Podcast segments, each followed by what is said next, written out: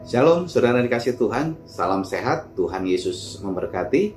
Selamat datang kembali di Pastor Message dan pada kesempatan hari ini saya mau bagikan tema tentang datang, mendekat, dan jamah.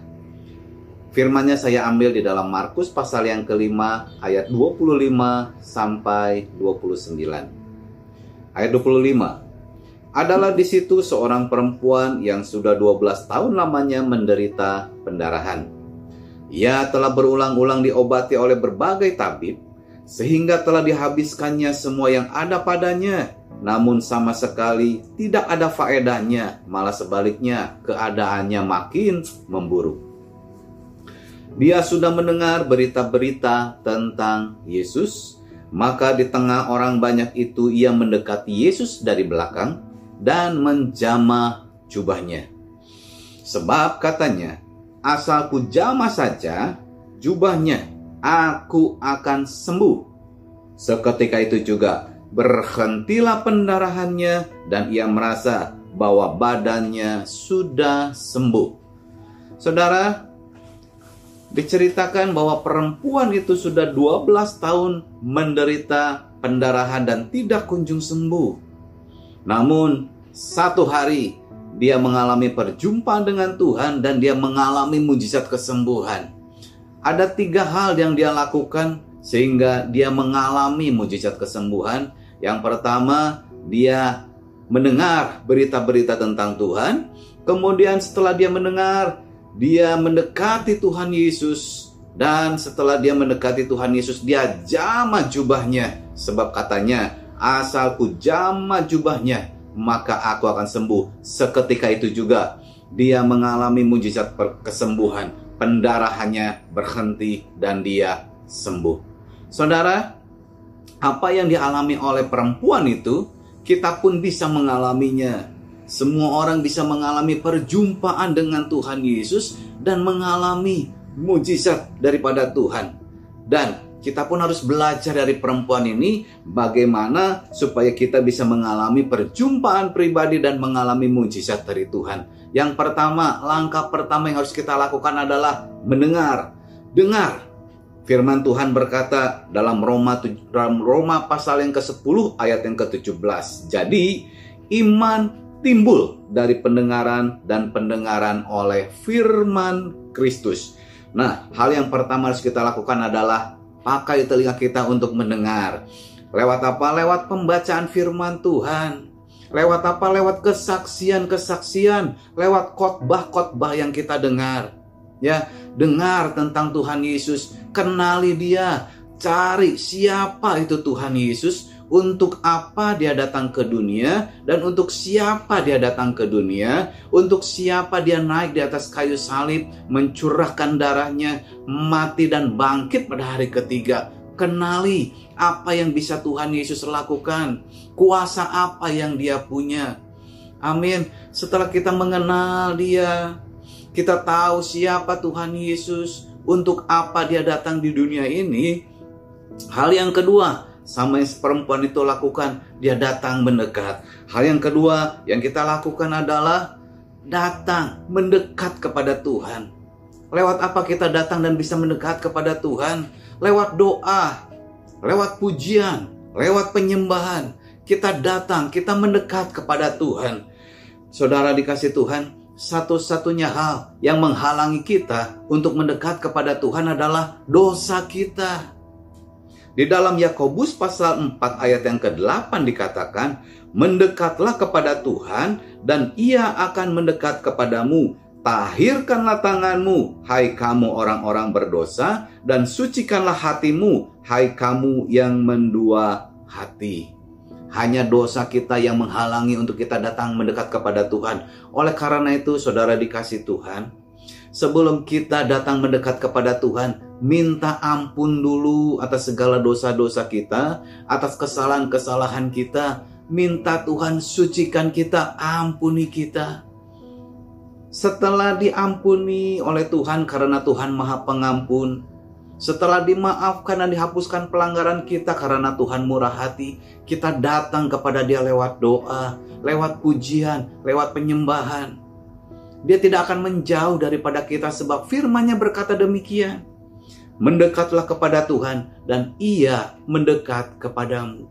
Datang, dekati Dia. Rasakan kasihnya. Rasakan jamahannya. Rasakan kebaikannya. Semakin dekat dengan Tuhan, perempuan itu semakin muncul imannya, semakin bulat tekadnya untuk dia mengalami mujizat kesembuhan. Amin. Demikian pun dengan kita, semakin kita mendekat kepada Dia, kita akan semakin merasakan kasihnya. Kita akan semakin merasakan cintanya. Semakin kita dekat dengan Dia, iman kita akan semakin tumbuh, iman kita akan semakin muncul, berkembang, bertumbuh. Amin, saudara dikasih Tuhan. Nah, kemudian yang ketiga yang dilakukan oleh perempuan itu, dia jamah dia jamah jubahnya Tuhan Yesus dan dia mengalami kesembuhan saat itu juga. Sebab katanya, asalku jamah saja jubahnya, aku mengalami kesembuhan. Yang ketiga saudara, kalau kita mau mengalami mujizat yang daripada Tuhan, perkatakan perkataan-perkataan iman. Perkatakan perkataan iman dan lakukan apa yang kita perkatakan. Amin. Sebab firman Tuhan berkata, "Tetapi tanpa iman tidak mungkin orang berkata kepada Allah, berkenan kepada Allah, sebab barang siapa berpaling kepada Allah, ia harus percaya bahwa Allah ada dan bahwa Allah memberi upah kepada orang yang sungguh-sungguh mencari Dia." Ibrani 11 ayat yang ke-6. Amin. Nah, perkatakan perkataan perkataan iman karena orang yang dekat dengan Tuhan pasti akan mendapatkan prioritas daripada Tuhan. Sama seperti ketika kita mendapatkan telepon, ya, dari orang-orang yang tidak dekat, dari orang-orang yang tidak kita kenal, kita pasti akan menolak telepon itu atau menolak panggilan itu. Dari orang-orang yang kurang kita kenal, kita pun pasti akan menolak permintaan-permintaan mereka tetapi dari orang yang dekat, dari anak-anak kita, dari suami atau istri kita yang dekat, ketika mereka telepon kita, kita pasti angkat telepon itu. Apa pun yang mereka minta, sebisa-bisanya pasti kita akan berikan kepada mereka. Terlebih untuk anak-anak kita, terlebih untuk suami, terlebih untuk istri kita. Betul nggak? Demikian juga dengan Tuhan. Kepada orang-orang yang dekat kepada dia. Kepada orang-orang yang sungguh-sungguh mencari Dia, Allah akan memberikan upah kepada mereka. Ibrani 11 ayat yang ke-6. Jangan ragu-ragu ketika kita sudah dekat kepada Dia.